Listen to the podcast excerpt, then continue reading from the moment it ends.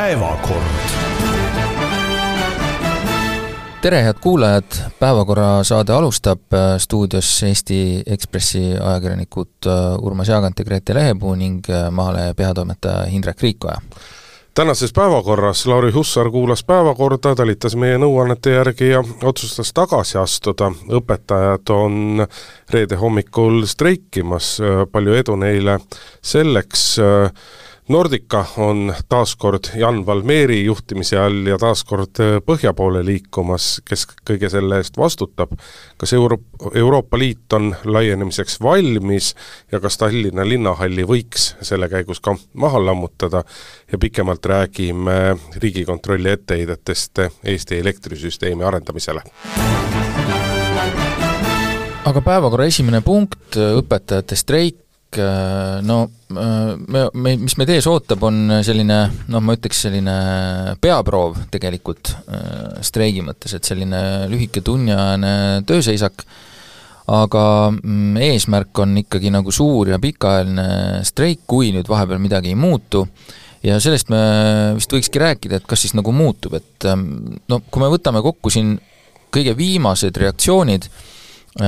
mis sellel teemal on olnud, siis ma alustaks kohe noh, praktiliselt kõige värskemast äh, valitsuse pressikonverentsil peaminister Kaja Kallas ütles, äh, kommenteeris siis ka äh, õpetajate streiki küsimuse peale ja ütles siis järgmised, kõigepealt, et streigi kohta see meile raha juurde ei too ning siis, tsiteerin, kui nad samal ajal, kui nad streigivad, käivad ringi ja veenavad inimesi automaksu toetama või seda suuremas mahus vastu võtma, siis tekiksid need vahendid, mida me saame tõsta õpetajat, millega me saame siis tõsta õpetajate palka veelgi rohkem. tsitaadi lõpp. ma ei oska ausalt öeldes selle peale enam väga palju midagi öelda, ma ei ole vist ammu näinud midagi nii kõrki me võime vaielda selle üle, kas õpetajad äh, lähevad siin nagu üle piiri, mina leian äh, noh, nagu ikka ühelt ja teiselt poolt, eks ole, aga põhiline on see, et valitsused, mitu viimast, on ise lubanud õpetajatele, et äh, saja kahekümne protsendini Eesti keskmisest nende palkadega liigutakse. Ja minu meelest on see mingitel perioodidel on sinna lähemale saadud, aga siis jälle nagu natukene kaugemale jäädud, me seda viimast seisu päris täpselt ei tea, aga öelda, öelda umbes nii, et kui te niikuinii juba streigite, siis äh, minge rääkige tänaval endale raha juurde. Äh,, ma ausalt öeldes, mul ei ole vist selle peale suurt midagi rohkem öelda. lihtsalt mõned numbrid, Kaja Kallase ametipalk äh, praegusel ajal on kaheksa tuhat kolmsada kaheksateist eurot ühes kuus. see..., oota, ei, oota, luba ma lõpetan. no hea küll. Oluline ei olegi see kaheksa tuhat kolmsada kaheksateist eurot, aga oluline on see, et sellel aastal kevadel tõusis Kaja Kallase palk tuhat ük-, tuhat viisteist eurot. ehk äh, Kaja Kallase palgatõus oli sisuliselt pool õpetajate palgast. ta palk tõusis peaaegu neliteist protsenti ja sellises olukorras nagu käituda nii küüniliselt ja öelda õpetajatele, et mida te virisete, olge ühe koma kaheksa protsendise palgatõusuga nõus, me räägime mõnekümnest eurost. no ma, ma võin kõigest aru saada, sellest, et riigil raha ei ole, aga ma ei suuda mõista, kuidas peaminister saab lubada endale selliseid avaldusi. kuidas saab ta seda lubada endale, kuidas saab ta seda oma erakonnale, kuidas saab ta seda valitsusele kõike lubada, see on, see, see, see on lihtsalt, see on inetu, see on küüniline, see on see on, see on labane, no see kõik on nii uskumatu, ainult jõudu õpetajatele streikimisel ja, ja, ja ma südamest loodan, et, et öö, oleme ausad, et kui me tänasel hetkel loomulikult õpetajad võiksid saada rohkem palka, meie riik, meie tulevik sõltub nendest väga palju, aga erinevalt seal kümne-viieteist aasta tagusest ajast, õpetajate palk ei ole mitte maailma kõige kehvel, kehvem tänasel päeval, aga ta on kõike muud kui head. ja selle nimel tuleb pärast selliseid avaldusi võidelda. ja see peaminister ütles, et aga eelmine aasta teil ju tõusis üle kahekümne protsendi jah, see protsent paistab nagu suur, aga arvestades, kui pikalt õpetajate palgad ei ole sisuliselt tõusnud, siis see noh, see, see kakskümmend kolm protsenti või kakskümmend protsenti eelmisel aastal, see ei kata õieti elukalliduse tõusugi. ja seda olukorras, kus kevadel kui, kui oli juttu sellest, et riigiametnike palgad tõusevad, et võiks kuidagi seda süsteemi ümber vaadata, siis oli Kaja Kallas väga tuliselt selle kaitsel, et ei, ikka ei ole, ikka ei tohi üle vaadata neid ja see süsteem on ikkagi selline olnud ja kui seda muuta, siis siis tuleb populism ja enda palgatõusu vastu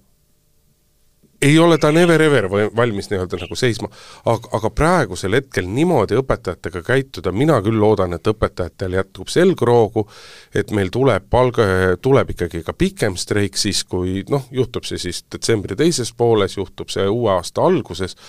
ja, ja kui vaadata praegust Kaja Kallase retoorikat, siis see streik tõenäoliselt saab päris pikk olema. oled sa nüüd lõpetanud, Indrek? oih, tuleb veel kaks minutit. kas ma ütlesin ja, midagi no, valesti, Grete ähm,? ma selles mõttes ma ähm, ma, ma ka, ma ei heidaks nagu eales ette peaministrile seda, et ta saab palju palka. nagu tema töövastutus ja see, et ta meie saates iga nädal peksa saab, äh, ongi seal palganumbri sees. Ähm, et selles mõttes noh ma saan aru, sa tõid selle paralleeli, on ju, et mismoodi inimesed peavad tundma ennast nii ja naa. ma tõin selle par-, palgatõusu paralleeli, see, tähtis oli see rohkem kui tuhat eurot mm -hmm. palgatõusu aastas või noh. Äh, mina, mulle tund-, peegeldab sealt see, et, äh, et äh, õpetajate see ametiühing või, või nende esitav liit ei ole valitsusega ikka üldse kokkuleppele saanud. et istuti koos küll, aga, aga kui peaminister sealt nii tapisena välja tuleb sealt arutelult, siis siis ei liigutud ikka küll edasi ja ma ennustaks küll, et me näeme võib-olla veel siin siis äh, streiki. seda enam, et tegelikult äh, Haridusministeeriumi katse kuidagi öelda, et see on ebaseaduslik või et ei tohi siin tehagi hoiatusstreiki, et äh, see, sellel ei ole alust tegelikult. mul on üks asi veel lisada, et, et ähm, et inimestele ei jääks võib-olla valed muljet, et äh, selle palgatõusuga, et äh, õpetajad ei nõua palka mitte ainult endale vaid tegelikult mina näen selles laiem probleem on see, et nad nõuavad palka tulevastele õpetajatele. ehk siis neile, kes ei ole praegu õpetajad, meil on puudu õpetajaid, inimesed. meil on neid puudu ja äh, jah, muidugi, palka saavad juurde ka need, kes praegu õpetavad, aga peamine probleem on ju ikkagi see, et, et inimesed ei läheks ära äh, ja teine, et inimesed inimesi tuleks juurde, et neid on ju, neid on lihtsalt puudu. et, äh, et me ei räägi sellest, et muidugi võib jääda mulje, et te tulete siin üle laua ja midagi nõudma eelmine aasta või millal te juba saite, aga, aga mis sellest kasu on, et said, kui, kui, kui õpetajaid ei tule koolidesse juurde, et et äh, ma ei, ma ei tea, kas see, kas see protsent, mis nad juurde võiksid saada, kas see aitaks, ma, ma ei tea, halvemaks see igal juhul ei teeks, et et kui, kui kellelgi jääb mulje, et siin on nagu mingisugused äh, noh, kraabivad siin küüntega enda poole, siis ma arvan, et seal taga on väga palju, väga palju just seda, et meil on vaja lihtsalt äh, õpetajaid juurde ja neid ei saa muud moodi. ja noh, palgad on ainult üks väike osa, ma olen seda varem ka öelnud, et, et tegelikult palju suurem koorem õpetajate õlgadel on, on see et lapsi on mõnes koolis on liiga palju, teises koolis on jälle koormus ei tule kokku äh, ja siis on meil hästi palju erivajadustega lapsi, mitte selles mõttes nagu diagnoosiga lapsi, aga lapsi, kes vajavad erilist hoolt, erilist tähelepanu ja see on ka kõik õpetajate õlgadel suuresti. Äh, et kogu see mm, selline õpetajate tugisüsteem on äh, ajast ja arust ja see vajab ka ümbervaatamist, et, et see, see stress Äh, ei tule ainult sellest, et, äh, et õpetajad tuleks ots otsaga kokku, vaid et kui nad nagu panevad äh, kaalukausile kõik oma pingutused, oma närvid ja vaimse tervise, siis tõesti nagu see palganumber on täitsa suvaline. aga Kaja Kallast, kui ma tohin lõpu, lõpuks öelda, et ma olen nagu varem hinnanud tema mm, noh, mitte lapsesuud, aga seda, et ta julgeb nagu olla selline ilma filtrita või visata nalja või ka enda üle enda teinud nalja enne valitsuse pressikonverentsil ja see on nagu, see on mõnus, see on inimlik ja ma ei, mulle tundub nüüd nagu, nüüd vist ei olnud see koht, on ju. see langeb juba teise konteksti, mulle tundub. see langeb teise konteksti ja see nüüd on juba nagu mitmes kord järjest, et ma mäletan, ma olen teda siin aasta alguse poole natuke nagu kaitsnud nendes olukordades, aga enam ma ei, ma ei näe seda kaitset. tundub, et ähm, Lauri Hussar äh, on kuulanud ka meie saadet äh, ja ja me oleme siin Eesti kahesajale nõu andnud, et ollakse kuidagi peata, nüüd siis Hussar eelneval nädalavahetusel otsustas, et tõesti kahte ametit ta korraga pidada ei jaksa, ta ei suuda olla ühtaegu Eesti kahesaja juht ja ta ei suuda olla Riigikogu esimees. seega loobub ta partei juhi ametist. ja nüüd siis eeloleval nädalavahetusel ähm, kõik Eesti kahesaja liikmed vaatavad endale otsa ja südamesse ja otsustavad, kas nendest võiks saada uus partei juht ja, ja ütleme,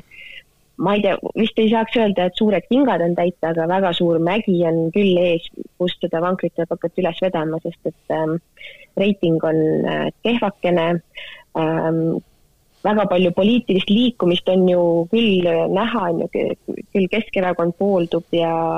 ja kõik kipuvad minema ikkagi Isamaasse, mitte Eesti kahesajasse ähm,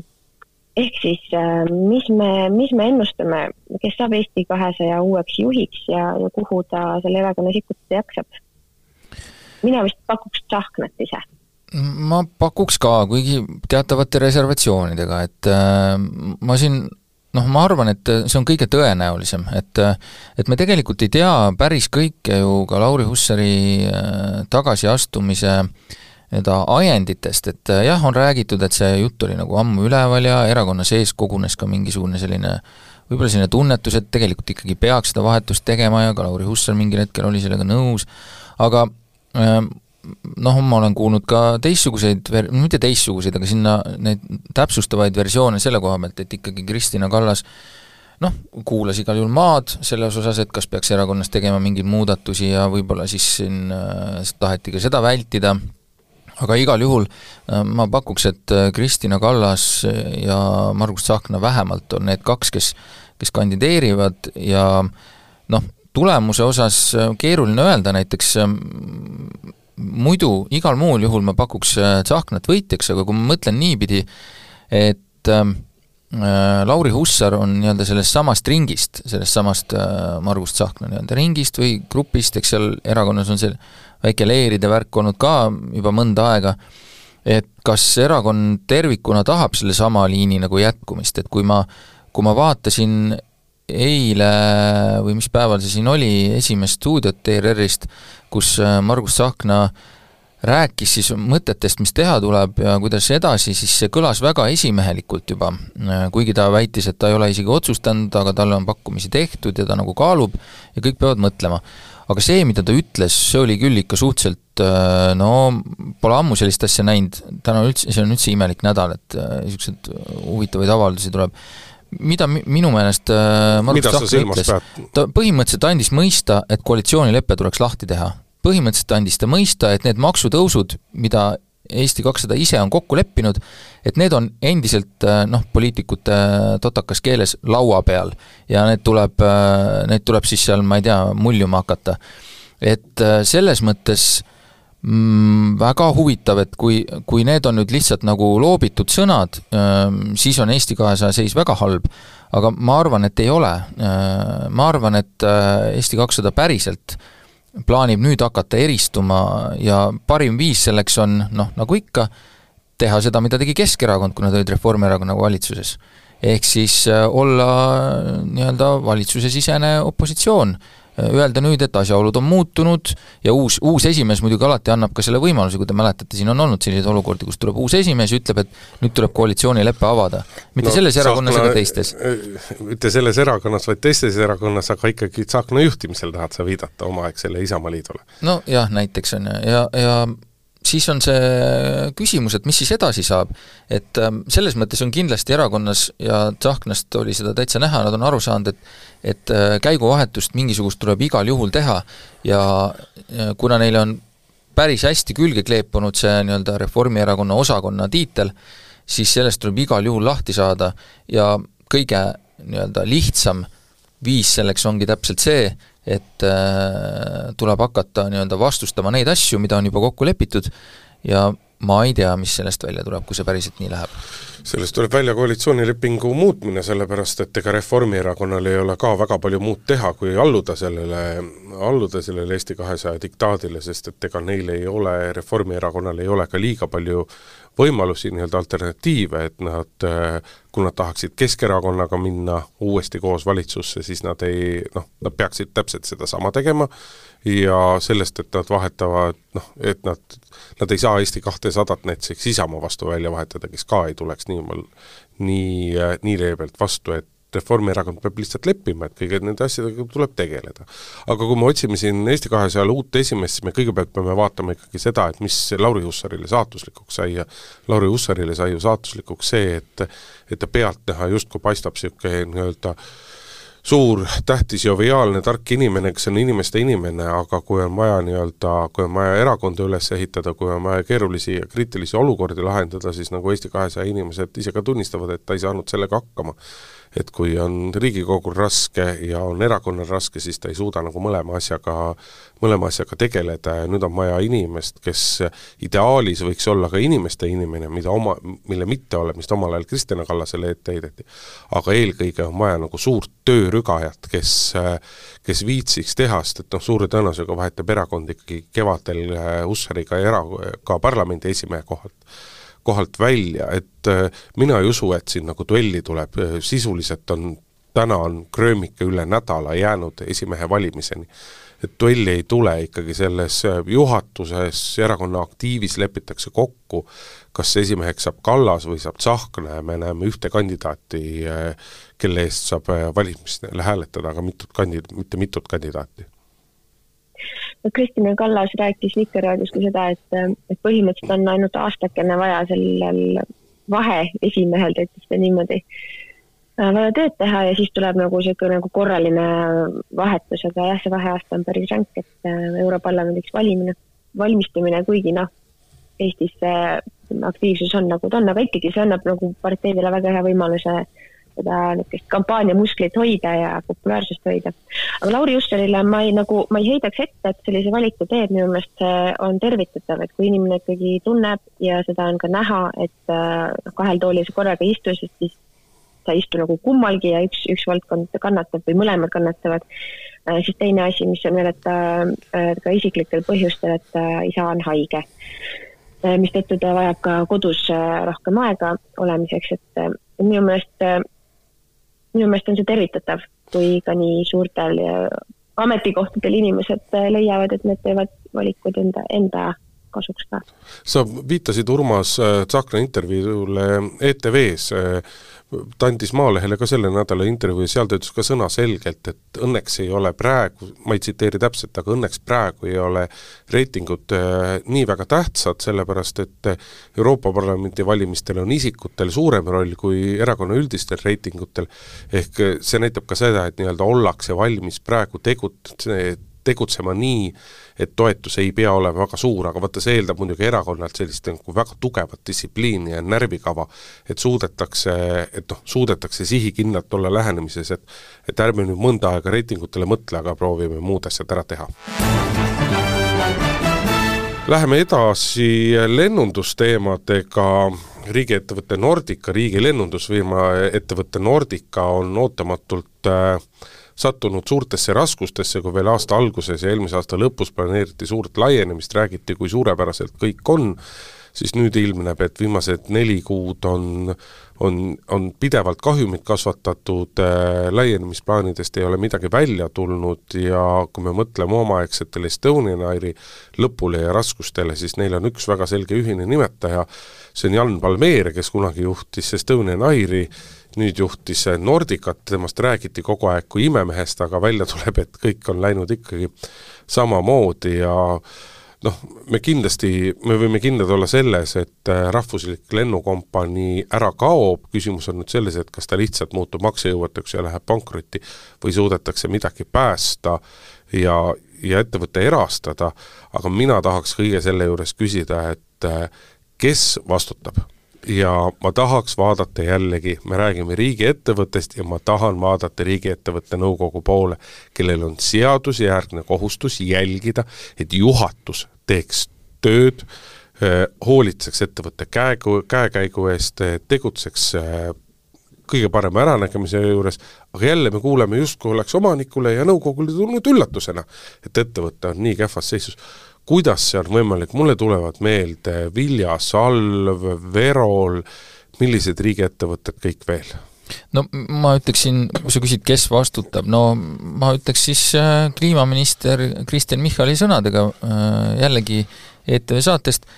et inimesed saavad ise mõelda, kes vastutab, et palun. Kristen seal... Michal selle Nordica ministrina sünnitas ja Kristen Michal selle Nordica riigiettevõttena ka tapab. ma ei tea, kas ta nüüd pidas iseennast seal silmas, aga äh, kahjuks ei pidanud, kuigi kindlasti võiks enda otsa vaadata. et jah, selle üle saab otsustada iga inimene ise, kes selle eest vastutab, on siis täpne tsitaat äh, Kristen Mich-, Michalilt, no mina ei tea, mis sel nädalal nende sõnumitega lahti on poliitikutele, et see on ka üsna äh, kummalise võitu asi inimes-, mida öelda inimeselt, kes kellel, kelle asi on jagada selgitusi, mitte selliseid krüptilisi vihjeid avalikkusele, kes ootab vastuseid, aga noh, see selleks, et noh, ma ei tea, ma loodan siis, ma olen ka sellega nõus, et muidugi nõukogu mm, asi oli jälgida seda, mida juhatus teeb, ja selle eest ka vastutab, ma lihtsalt nüüd loodan, et ma ei tea, et edasi, et, et me enam nagu kolmandat katset äkki siis ei tee või? no vaata, see on selline kuldne küsimus, et mina olen olnud läbi viimase kahekümne aasta tuline riigi lennundusettevõtte kaitsja, isegi siis, kui see ettevõte teenib, teenib mõningast kahjumit, siis kui see ettevõte tõesti nagu lendab, antud juhul siis Tallinnast äh, Euroopasse, viib eestlasi sinna, veel olulisem, toob teisi inimesi Eestisse, siis see potentsiaalne kasu, kaudne kasu, mis sellisest lennundusettevõttest on saada, on nii palju, nii palju suur, et võib olla ka väike, võib olla ka väikeses miinuses see ettevõte, kui suudetakse Euroopa Liidu regulatsioonidega vastavuses olla, aga noh, tänasel kujul muidugi Nordica on juba aastaid olnud riigiettevõttena täiesti mõttetu, sest et riigile ei ole sellest mitte, ja riigi kodanikele ei ole sellest mitte mingisugust kasu tundunud, et noh, vägisi tundubki, et et mõni mees sai mõnusat sellist nii-öelda pensioni või pensionipikendust siin, et vaikselt rahulikult toimetas, tegi mida tahtis, praegu paistab, keegi suurt ei kontrollinud ka, sai selle eest väga kena palka ja, ja, ja kõik oli justkui ilus. et sellist riigi lennundusettevõtet kindlasti meil muidugi vaja ei ole. jaa, nagu millal see lennundusettevõte tegelikult eestlasi kuskil lennutas, et et äkki, äkki ikkagi on meil aeg, Indrek, sinu ja, ja paljude eestlaste unistusest nüüd lahti lasta? Ja, ja tõdeda, et me, kas me ei, ei saa hakkama või me peame seda hakkama saama mingis muus, mingil muul moel. Küsimus ei ole minu ja paljude eestlaste unistus, sellepärast et ega mina ja paljud eestlased ei lenda Nordicaga, pigem me lendame mingite odavlennufirmade ja selliste asjadega, aga väljaspoolt Eestisse tulevad ettevõtjad, turistid, need, kes toovad seda raha siia, nemad lendaksid jaa, noh, kas, aga äkki, äkki me oleme natuke kinni selles ähm, mingis hõllanduses, et, et siis noh, mina seda aega ei mäleta, aga aga kui ma vaatan, ma ei tea, kas Rodeo filmi või neid Laari valitsustest ja siis seda, et Estonian Air lendas ikkagi lae, taevas, et vot see oli nagu niisugune eestluse ja hakkamasaamise ja edumeelsuse märk me oleme nüüd siin, me oleme hakkama saanud, me oleme edukad. me oleme varsti Euroopa Liidus need, kes annavad teistele raha, me ei võta varsti enam ise raha. et, et äh, me oleme neid aegu muutnud ja me oleme Eestit nii palju muutnud, et, ähm, et me võib-olla lihtsalt peame sellest, ähm, sellest müütilisest oma lennufirmast lahti laskma, sest see ei, see ei tasu ära, mulle tundub. jõudsin juba mainida Euroopa Liitu ja, ja ukrainlased Äh, väga rõõmustasid sellel nädalal äh, rinnetel neil, neil nii hästi Vene, sõjas Venemaaga võib-olla ei lähe, kui me ootaksime, aga äh, see ootus, et ähm, saada üheks läänest ja Euroopa Liidust on nüüd palju kindlamalt käes. Euroopa Liit nimelt siis kutsus Ukraina, Moldova ning Bosnia ja Hertsegoviina liitumisläbirääkimistele, see ei tähenda nüüd, et nad kohe nüüd uuest aastast põmm on Euroopa Liidus, aga see on väga suur samm edasi, sest enne mm, anti signaal, et jah, me, me, me, me nagu kaalume teid kandidaatideks, aga nüüd öeldakse, et te tõesti astute, olete suundumas sinna, et saada, saada meie pereliikmeteks ja tegelikult on see ülimalt hea uudis. noh, siin võib muretseda, on ju, selle üle, et mis hakkab saama meie selle ühise majandusturuga ja mismoodi nüüd siis, ma ei tea, rahad jaotuvad ümber ja kõik muud süsteemid aga sellel on palju suurem väärtus minu meelest äh, ja väärtus on selles, et neid niisuguseid halle laike Euroopa kaardil äh, selle hirmsa idanaabri külje all jääb vähemaks ja, ja, ja see on ühtlasi ka julgeoleku garantiini no, meile kui kogu Euroopa Liidule. ja mulle tundub, ma olen nagu üldjoontes nõus, aga ma tahaks natukene tõsta selliseid küsimusi, mis, mis minu jaoks on natuke sellised äh, noh, võib-olla ei tee nii väga rõõmsaks, et, et meil on, meil on olnud, Euroopa Liidus on olnud mingisugused reeglid, mille järgi sinna nagu astutakse ja kuidas saadakse. Eesti, ma olin siis natuke väiksem, aga Eesti võimles ka päris kõvasti, et neid nagu täita, äh, küllap aeti seal hoolega näpuga järge, kuni me siis lõpuks olime nagu kõlblikud, et ähm, ma tean, miks seda nagu tehakse, et siin, siin on hoopis teised dimensioonid hetkel mängus, siin saadetakse sõnumeid Venemaale, siin saadetakse sõnumeid Ukrainale, aga üldiselt on need reeglid olnud ju selle jaoks, et äh, ei juhtuks mingit jama, et äh, et mispärast on, mispärast on mingid nõuded nendele riikidele, mis, mis siis mingisse staatusse ja mingisse etappi jõuavad, aga, aga nüüd siis tehakse nagu erand, et äh, ma ei ole nagu kade, kui see nii võib teile kõlada. Ma lihtsalt muretsen natuke tõesti selle pärast, mis sa ka Grete viimasena ütlesid, et et kui, kui võetakse vastu riik, kellel on need mingisugused reformid poolikud ja me ei saagi oodata neilt sellises tempos nende tegemist, kui jumala eest nad peavad nagu sõda e-, oma eksistentsi eest, mm, siis ähm, noh, mis see, mis see nagu lõpuks kaasa toob, et äh, oletame, et meil saabub rahu, on ju, ja äh, ilusti Ukraina on Euroopa Liidus, et, et äh, mis määral see nagu mõjutab nagu tervikuna, et ma tean, et kindlasti kuna nad on olnud väljaspool, siis on, siis lähevad siin nii-öelda balansid nii, nihkuvad teistesse kohtadesse, mis tähendab Euroopa Liidu keskmine ja muu selline, aga see kõik on nagu niisugune võib-olla väike asi, aga aga suurem just see, et, et ähm,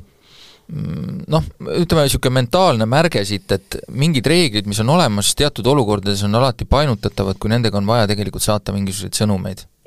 ära muretse, Urmas. reeglitest see räägib tegelikult, sest et eh, ega no okei okay,, ma ei ole nagu väga põhjalikult on ju seda uurinud, aga ma saan aru, et, et, Ukrainale ei tehta mingisugust allahindlust selles, et nad oma kohtureforme ei pea ära tegema, oma korruptsioonivastased äh, nagu reforme ei pea ära tegema et äh, Nii. nad, neid ei võeta lihtsalt äh, jumala armust sinna vastu, nad peavad tegelikult näitama, nad saavad hakkama. Olen... loomulikult tee korruptsioonist on nagu, see ei juhtu ka üleöö, aga noh, tegelikult nad, nad liiguvad ma olen, ma olen sellega nõus, lihtsalt, lihtsalt äh, teistele riikidele oli niimoodi, et mitte, et ei pea ära tegema neid, lubama ära teha, vaid te pea, need peavad olema teil tehtud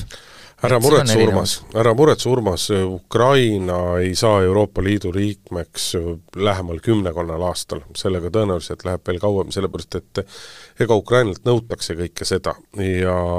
üks asi on sõda, teine asi on sõjajärgne periood, ülesehitus, sellega kaasnev korruptsioon, kõik see pool, et, et see Ukraina kontekstis, see võtab väga palju aega ja tegelikult võiks Euroopa Liit seda selles mõttes äh,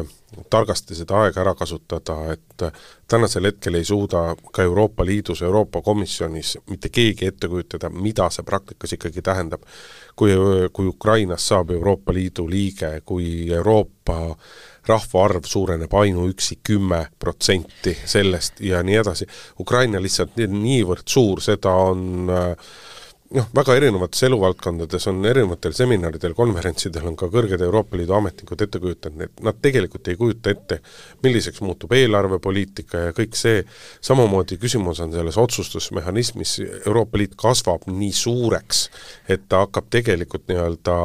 ta hakkab ise tootma bürokraatiat, mis pidurdab selle ai, ühenduse tegevust nüüd ma tahan, nüüd ma tahan jälle vastu vaielda selle koha pealt, et eh, ma väga hästi kujutan ette neid Euroliidu ametnikke, kui oli, kui oli Balti riikide ühinemine Euroopa Liiduga, kes ütlesid tõenäoliselt umbes sama, ei tea, kuidas nad ikka tulevad, mis muidugi. nad siis nagu siin ikka tegema hakkavad ja mis siis meist nagu siin nagu saab ja ja muud sellist, et et selle koha pealt me kindlasti vist ei tohiks, meie ei tohiks olla need, kes hakkavad, et olles nüüd toas sees, eks ole, mõnusasti niimoodi äh, sellised, äh, ei pea väga so-, paksi riideid selga panema, niisugune hea soe tuba ja äh, mõnus olla, vaatame sealt aknast välja ja siis mõtleme, et ei tea, kas neid ikka maksab sisse lasta, et et meid lasti ja meie küll ei saa nüüd olla need, kes hakkavad ütlema, et vaat kas me, kas nad ikka ei, aga ega ma ei ütlegi, ma ei ütlegi seda, et me peame hakkama rääkima sellest, et kas neist tuppa lasta, ma hakkan ütlema, ma räägin seda, et Euroopa Liit peab mõtlema sellele, sellele, kuidas ta saab efektiivselt nii-öelda ühendusena toimu, toimida, sest et mõtle nüüd sellele pa-pa-pa üheksateist aastat vist, eks ole, kui kaua me Euroopa Liidus oleme, kui, kui palju on tegelikult Euroopa Liidu enda otsustusprotsessid samal ajal nagu muutunud ja ja, ja, ja, ja erinevad regulatsioonid ja kõik just ju tegelikult selle nimel, et et nii-öelda järjest paisuv organisatsioon nii-öelda, et selle efektiivsus oleks võimalikult suur, aga noh, sellest hoolimata on, minul tuleb ikka alati meelde see, kuidas ma kunagi käisin mingil õppereisil ja siis üks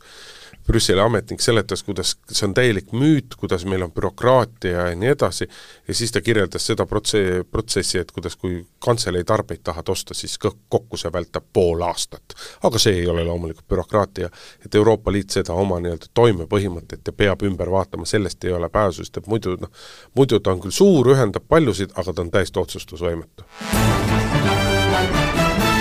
räägime veel ka Tallinna linnahalli tulevikust, asi, millest on räägitud noh, ma ei tea, kakskümmend aastat või veel rohkem, Tallinna linn on tulnud nüüd välja ettepanekutega esimeste selliste esialgeliste plaanide ja joonistustega, milliseks linnahalli territoorium äh, muutuda võiks, mis seal kõik asutada, asuda võiks, linnahalli mahalammutamine on selle juures möödapääsmatu, isegi äh, linnahalli kunagine arhitekt on ütelnud, et tänasel kujul ta on nii amortiseerunud, et seda ei ole mõtet enam alles hoida, aga Muinsuskaitseamet on ikka üles ärganud ja ütelnud, et ei, ei, ei tohi maha lammutada. minul tekitavad sellised avaldused alati seda küsimust, et aga kallid muinsuskaitsjad, kas te olete siis valmis selle majaga korda tegema või me peamegi lihtsalt ootama veel kolmkümmend aastat, kuni sellest ongi ainult kivipuru hunnik järgi ja siis lepime, et okei okay,, enam meil ei ole midagi päästa. või võiksime me juba praegu leppida, et on üritatud küll nii-naa kui kolmandat moodi, ei ole leitud mingisugust rakendust sellele tohutu suurele kolossile ja me peame lihtsalt leppima, me ei saa kõike alles hoida. aga muinsuskaitse ütleb sulle selle peale, et aga Tallinna linn ja Eesti riik, kui te meile raha annate, homne päev hakkame korda tegema. Ma arvan, neile, nemad väga hästi, hea meelega korraldaks selle jah, ja siis teeme ja korda ja ju... siis maksame selle ülalpidamist lõputult kinni, sellepärast et noh, mingit, mingit funktsiooni sellele asjale ikkagi ei teki no. ma ei tea, mingi kuldne kesktee võiks olla niimoodi, et, et saaks äh, säilida see, mm, ma saan aru, arhitektuurselt väga oluline hoone ja, ja noh, tavalise inimese silmi ei oska seda ilmselt vaadata, aga ükskord, kui kirjeldas seesama arhitekt seda, või oli see äkki mõni muu arhitekt, ühesõnaga inimene, kes teab, millest ta räägib,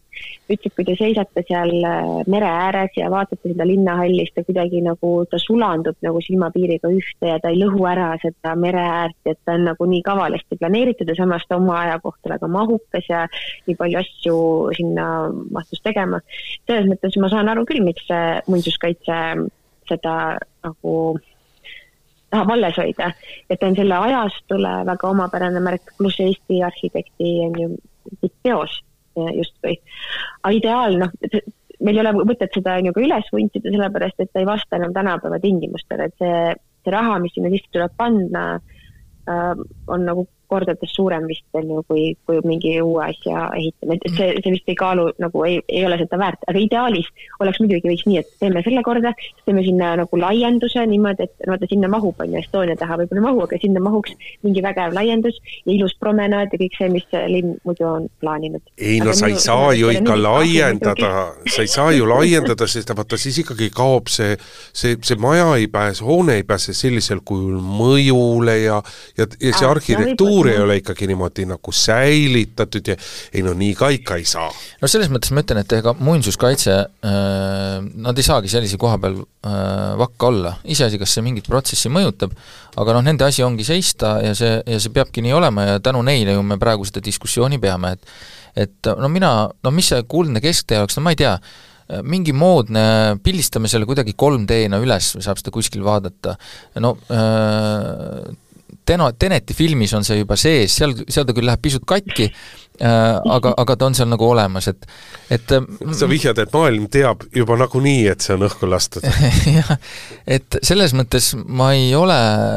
tõesti kindel, et seda peab nagu säilitama, et minu põhiküsimus on ikkagi, kas sellel on võimalik anda funktsiooni ja kui seal ei ole võimalik anda funktsiooni,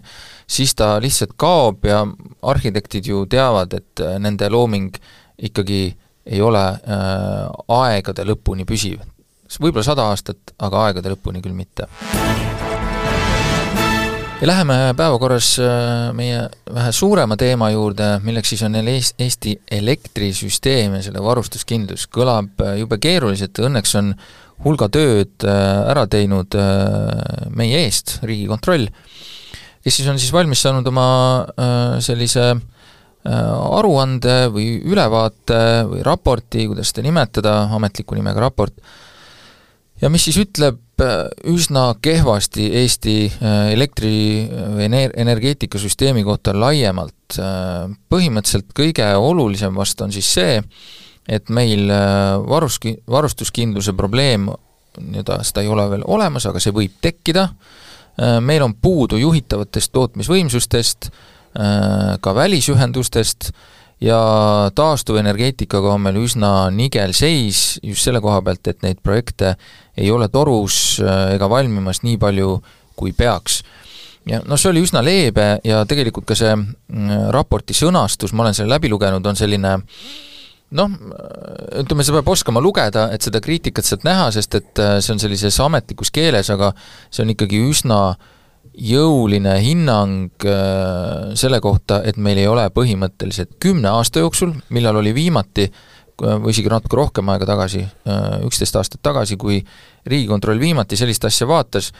äh, ei ole tehtud paljusid asju, mida juba siis öeldi, et on vaja ja need probleemid on samad endiselt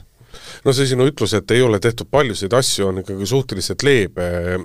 leebe ütlus, et valdavat osa nendest probleem, valdava osa probleemidega, mida toodi kaks tuhat kaksteist eelmises raportis esile, valdav osa ka nendest probleemidest ei ole, ei ole tegeletud, ehk no, no ma vist ei ütleks, et ei ole tegeletud, küllap on ja tegelikult on meil ka asju tehtud ju, et me oleme saanud lahti näiteks aga sellest probleemist. kõiki, kõiki ja. asju, mingeid asju on tehtud, aga mida, millele mina nagu tahaksin ekstra, ma saan aru, ma võtsin Urmaselt praegu sõna ära ja, ja ka Grete tõmbas juba kopsud õhku täis, aga ma siis kasutan ikkagi, räägin juttu ära asja üks pool on see, et meie praegused jaotusvõimsused ja meie praegused võimsused ja meie praegune energiavajadus, aga meil ei ole üldse mõeldud sellele, mis saab tulevikus edasi, me räägime sellest, et me peaks massiliselt kasutusele võtma elektriautosid, mis tähendab arvestatavalt suuremat elektritarbist, tarbimist, et meie tööstused peaksid minema senisest tunduvalt rohkem äh, energiavajadustes üle elektrile, mis veel omakorda tõuseb. ehk äh, tulevikus see pilt on ikkagi tegelikult nagu väga must, et juba praegu on sant, me kõik teame seda, mis toimub saarte peal, aga mitte ainult, ka, ka Harjumaal, kah ka Lõuna-Eestis, siis kui on suuremad tormid talvisel ajal, aga mis hakkab toimuma tulevikus, see on kõige hirmutavam. ja ma ma, ah, see selles mõttes on äh, on see ju tõesti, oi, kui see kordamise mis tuleb lahti raiuda, on ju, äh, ja mõneti nagu on ka aru saada, miks Kliimaministeerium ähm, solvus, äh, läks ju asi isegi nii kaugele, kaugele, et Riigikontroll pidi omakorda pressiteate avaldama selle peale, mida Kliimaministeerium väitis, et ühesõnaga Kliimaministeerium tunneb, et neile tehakse liiga ja et, et vananenud andmete pealt on see raport tehtud ja, ja siis Riigikontroll ütleb, et ise te andsite need andmed meile ja kontrollisite veel fakte üle ka. et ühesõnaga see teema on hästi terav ja hästi õhus. ja mul tuleb meelde, vaata aasta tagasi Kaja Kallas tegi veel erakorralise pöördumise televiisoris, ütles, et meil võib olla probleeme siin elektriga. ja see küll oli siis ütleme nagu julgeolekuolukorrast tingitud, aga aga kui ma seda raportit lugesin, siis täitsa nagu võib ette tulla niisuguseid pöördumisi. Ähm, aga millele ma mõtlen ja mis on nagu see saat-, saatan seal detailides, on ikka see põlevkivi. et me oleme lihtsalt rämedalt põlevkivi lõksus olnud ja ma tean, Indrek, sa ütled mulle kohe, aga kuidas me saame, siis me ei saa, me ei ole sedagi saanud ja meil oleks juba siis kahjustus, kui me oleks päevapealt kinni pannud põlevkivi asjad, ei pea päevapealt kinni panema. ja seda ei ole ka keegi nagu ju, noh, mõned radikaalid võib-olla on öelnud, et jah, päevapealt paneme kinni aga ikkagi, et, et see põlevkivi ähm, sellest nagu sõltumine ja sellest, selle peal kuidagi nagu ütleme, et noh, et meil on kuni nagu selle aastani veel aega ja siis mõtleme edasi, see on meid täiega pidurdanud ja põlevkivi lobi on meid praegu pidurdanud ja sellepärast ei. me ei ole saanud ja nüüd me oleme veel seal kohas, et see põlevkivi hoiab meid veel edasi lõksus. sest et see ainus võimalik juhitav energia, kuhu me saame või see allikas, kuhu me saame, on ikka needsamad tolmukatlad. Et äh, ma ei tea, kes selle Eesti rohehüppe nüüd kiiremas korras ära peaks tegema, sest hiljaks me oleme jäänud nagunii. me oleme hiljaks jäänud küll mingite asjadega, sellest, seda ma ütlengi, et tegelikult mina, mina ei oleks, mina ei oleks nii Grete ründas mind alatult ja nüüd sa trügid vahele, aga räägi ära, siis et, ma äh, mina ei oleks selles mõttes nii kriitiline äh, ministeeriumis, et, et äh, on asju tehtud, no asi ongi selles, et need kõik asjad on nagu töös või nad on nagu veninud liiga aeglaselt, et ma, ma ei ütleks, et ei ole eesmärki või ei ole sihti, need on olemas, ainult et see võtab nagu liiga kaua aega ja nüüd kui, kui te vaatasite, kui nutikas oli see nii-öelda väike pallipõrgatus ja millele Grete juba viitas, kus Riigikontroll pidi siis ütlema, et ei, et ei ole vananenud see raport ja mis iganes, mille peale nad tuginesid, et siin ongi, Riigikontrollil on hästi lihtne põhimõte, millest nad lähtuvad. et kas asi on tehtud, kas selle kohta on määrus, seadus, akt, mis iganes, kus on allkirjad, kus on tegevuskava, see, kui tegevuskava on tegemisel ja ta on kuskil postkastis, kusagil liigub, ta on üheksakümmend kaheksa protsenti valmis, Riigikontrolli jaoks ei ole valmis asi, see ei ole kinnitatud, seda ei ole. Ja nii ongi. Et... tegevuskava ongi suhteliselt suvaline, et kui meil on plaan hakata tegema, siis see on ükskõik, me tahame teada, kes teeb, millal teeb, mis hetkeks on mis asi valmis ja kes vastutab ja, või ei ole valmis. ja eks need on seal olemas, aga nüüd ongi see, et, et äh, mida, mida ministeerium püüab näidata, ongi see, et, et need kõik asjad on justkui nagu tegemises ja nad kohe varsti on nagu valmimas, mida nad ongi, aga Riigikontroll võtab selle hetke, kui ta kontrollib, kui seda ei ole, siis seda ei ole. Äh, kui ta, kui ta ei ole kinnitatud, siis ei ole kindel, kas see sellisena tuleb, mis tähendab, et seda ei saa arvestada. ja ma arvan, et see on hästi aus lähenemine selles mõttes, et et peab olema mingi punkt, kust me saame öelda, et äh, nüüd see asi on olemas ja selle järgi tuleb toimetada, see, et kui poliitikud räägivad, et meil on siin niisugune plaan ja see hakkab nagu valmima ja ta, sealt paistab enam-vähem midagi sellist või tollest, siis see kõik on ilus äh, nagu visioon, aga seni, kuni ei ole see kinnitatud digiallkirja all, siis äh, ei saa olla kindel, et see ei muutu ja, ja nii ongi. ja kogu see asi on, mina, mina ei kahtle üldse selles, et on olemas vaated, on olemas nägemus, on olemas ka teadmine nendest ohtudest, lihtsalt see võtab millegipärast meie riigis nii-nii kaua aega. see võtab nii kaua sellepärast aega, et poliitikud ei taha tegeleda selle küsimusega, kuna see kõik eeldab raha, see eeldab raha panustamist, kogu aeg on tunne, et aega on küll, aega on küll, ametnikud eh, tegutsevad eelkõige protsessi, aga mitte tulemusepõhiselt, aga mis ma tahtsin, Grete on täiesti valel teel, kui ta süüdistab põlevkivienergeetikat selles. Põle-, käe, heas mõttes käed eemale, käed eemale, oota, aga luba, ma räägin lõpuni ja ma seletan sulle ära selle asja. et põlevkivienergeetikast ei ole meil pääsu, see peab meil tagavarana olema me lihtsalt teisiti ei saa. aga selles, et meil on veninud kõiksugu tuulepargid, kõik sellised asjad, selles ei ole süüdi põlevkivi,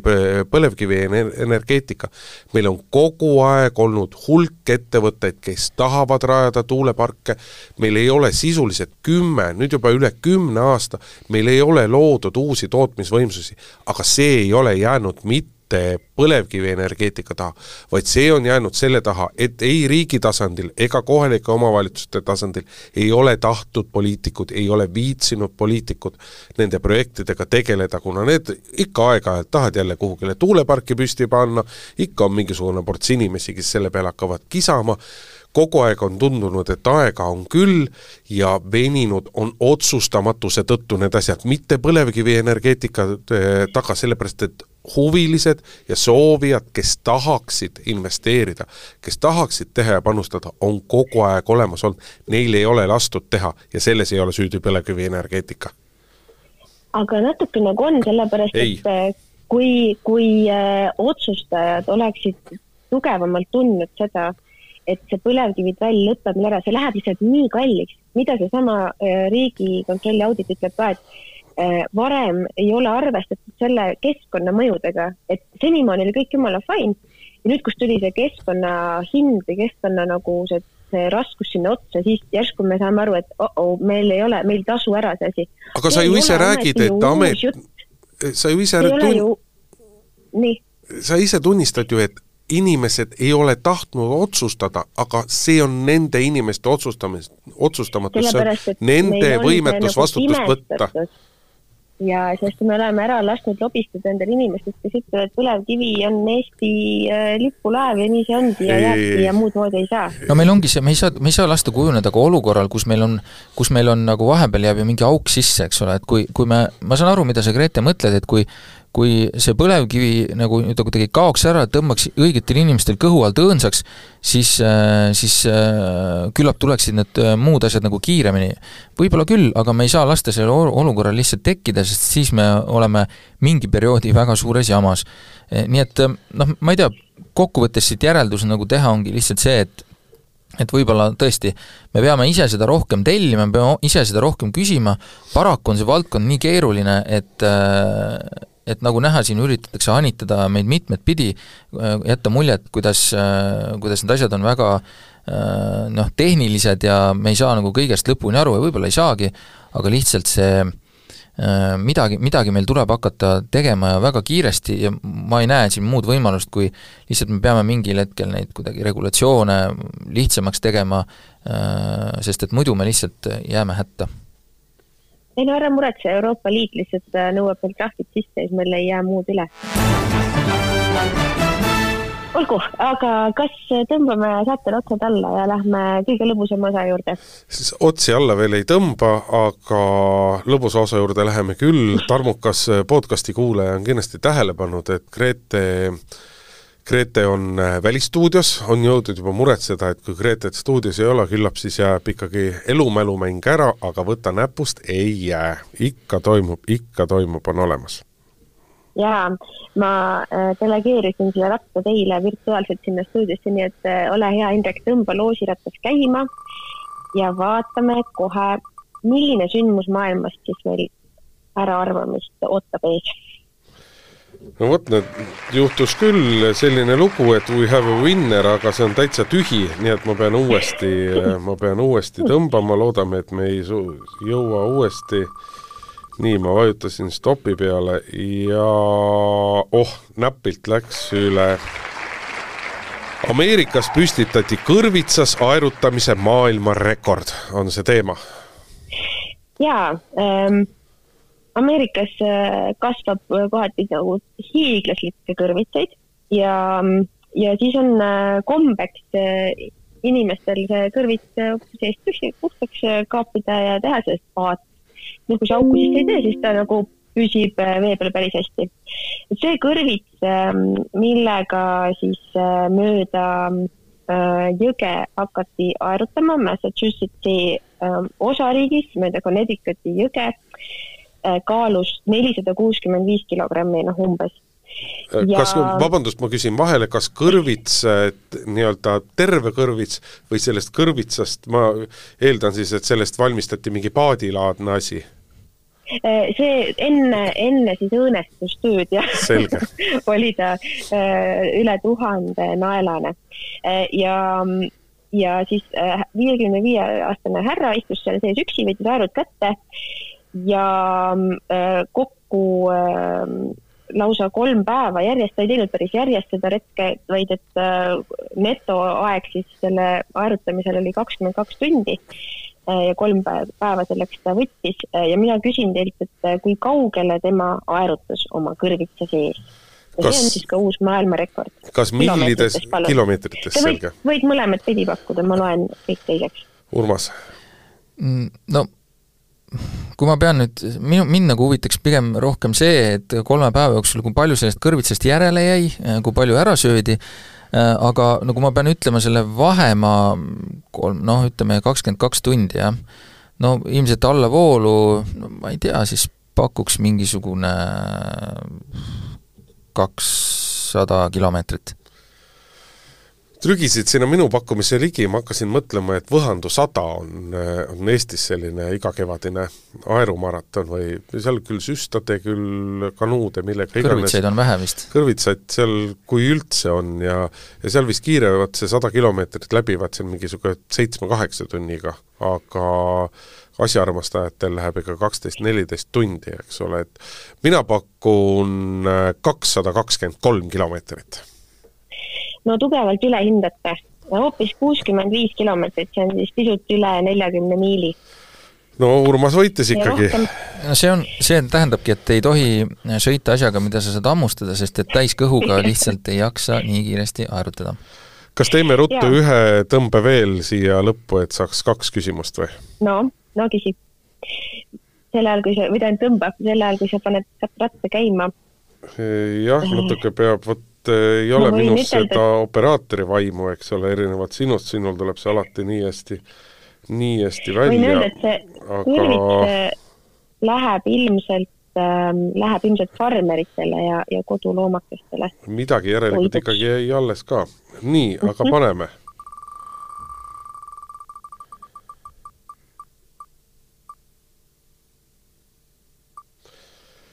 Nii, võitja on selgunud. Briti politsei tabas mehed, kes varastasid kuldse WC-poti mm. -hmm no mis te arvate, kui palju maksab üks kullast WC-pott? ja nii palju võin siis ütelda, et tegelikult nad panid selle pihta juba aastal kaks tuhat üheksateist ja oli see osa ühest näitusest ja, ja kui ma õigesti sain siis aru, siis see näitus, kunstinäitus oli pandud püsti lausa Churchilli vanematekodus. Ehm, ja selle poti eh, nimi siis oli Ameerika. no mis te arvate? ma tahaksin. kaheksateist karaadine kaheksateist karaadisest kullast. sa küsisid hinda, jah? oota, mina ja. tahaks ikkagi täpsustada, kas see WC-pott oli valmistatud kullast või oli see üle kullatud ja siis ma tahaksin ikkagi lisavihje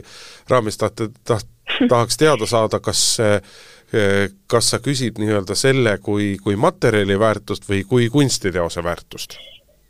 Siiski mulle tundub, need on väga liiga täpsed küsimused juba, aga ma arvan, et siin on mõeldud kui kunstiteose väärtust. ja siin ei ole täpsustatud, kas see on kullatud, aga ma ütleks, et ma ikkagi pakuks, et on täitsa nagu kullast tehtud. no arvestades, et äh, röövlitel ma, ma saan aru, on olnud väga hea nagu ettenägemisvõime, et äh, palju äh, vähem kasulik oleks olnud röövida sularaha, sest et äh, kuld võib-olla siin hoiab inflatsioonilistes tingimustes, eks, äh, nende aastatega seda väärtust paremini, ähm, no ma pakuks, et ähm, ma ei tea, mul tuleb pähe ainult, äh, vabandage väljendusest, miljoni peldik ja ma pakungi mingi miljon dollarit. mina pakun kaks koma üks miljonit dollarit.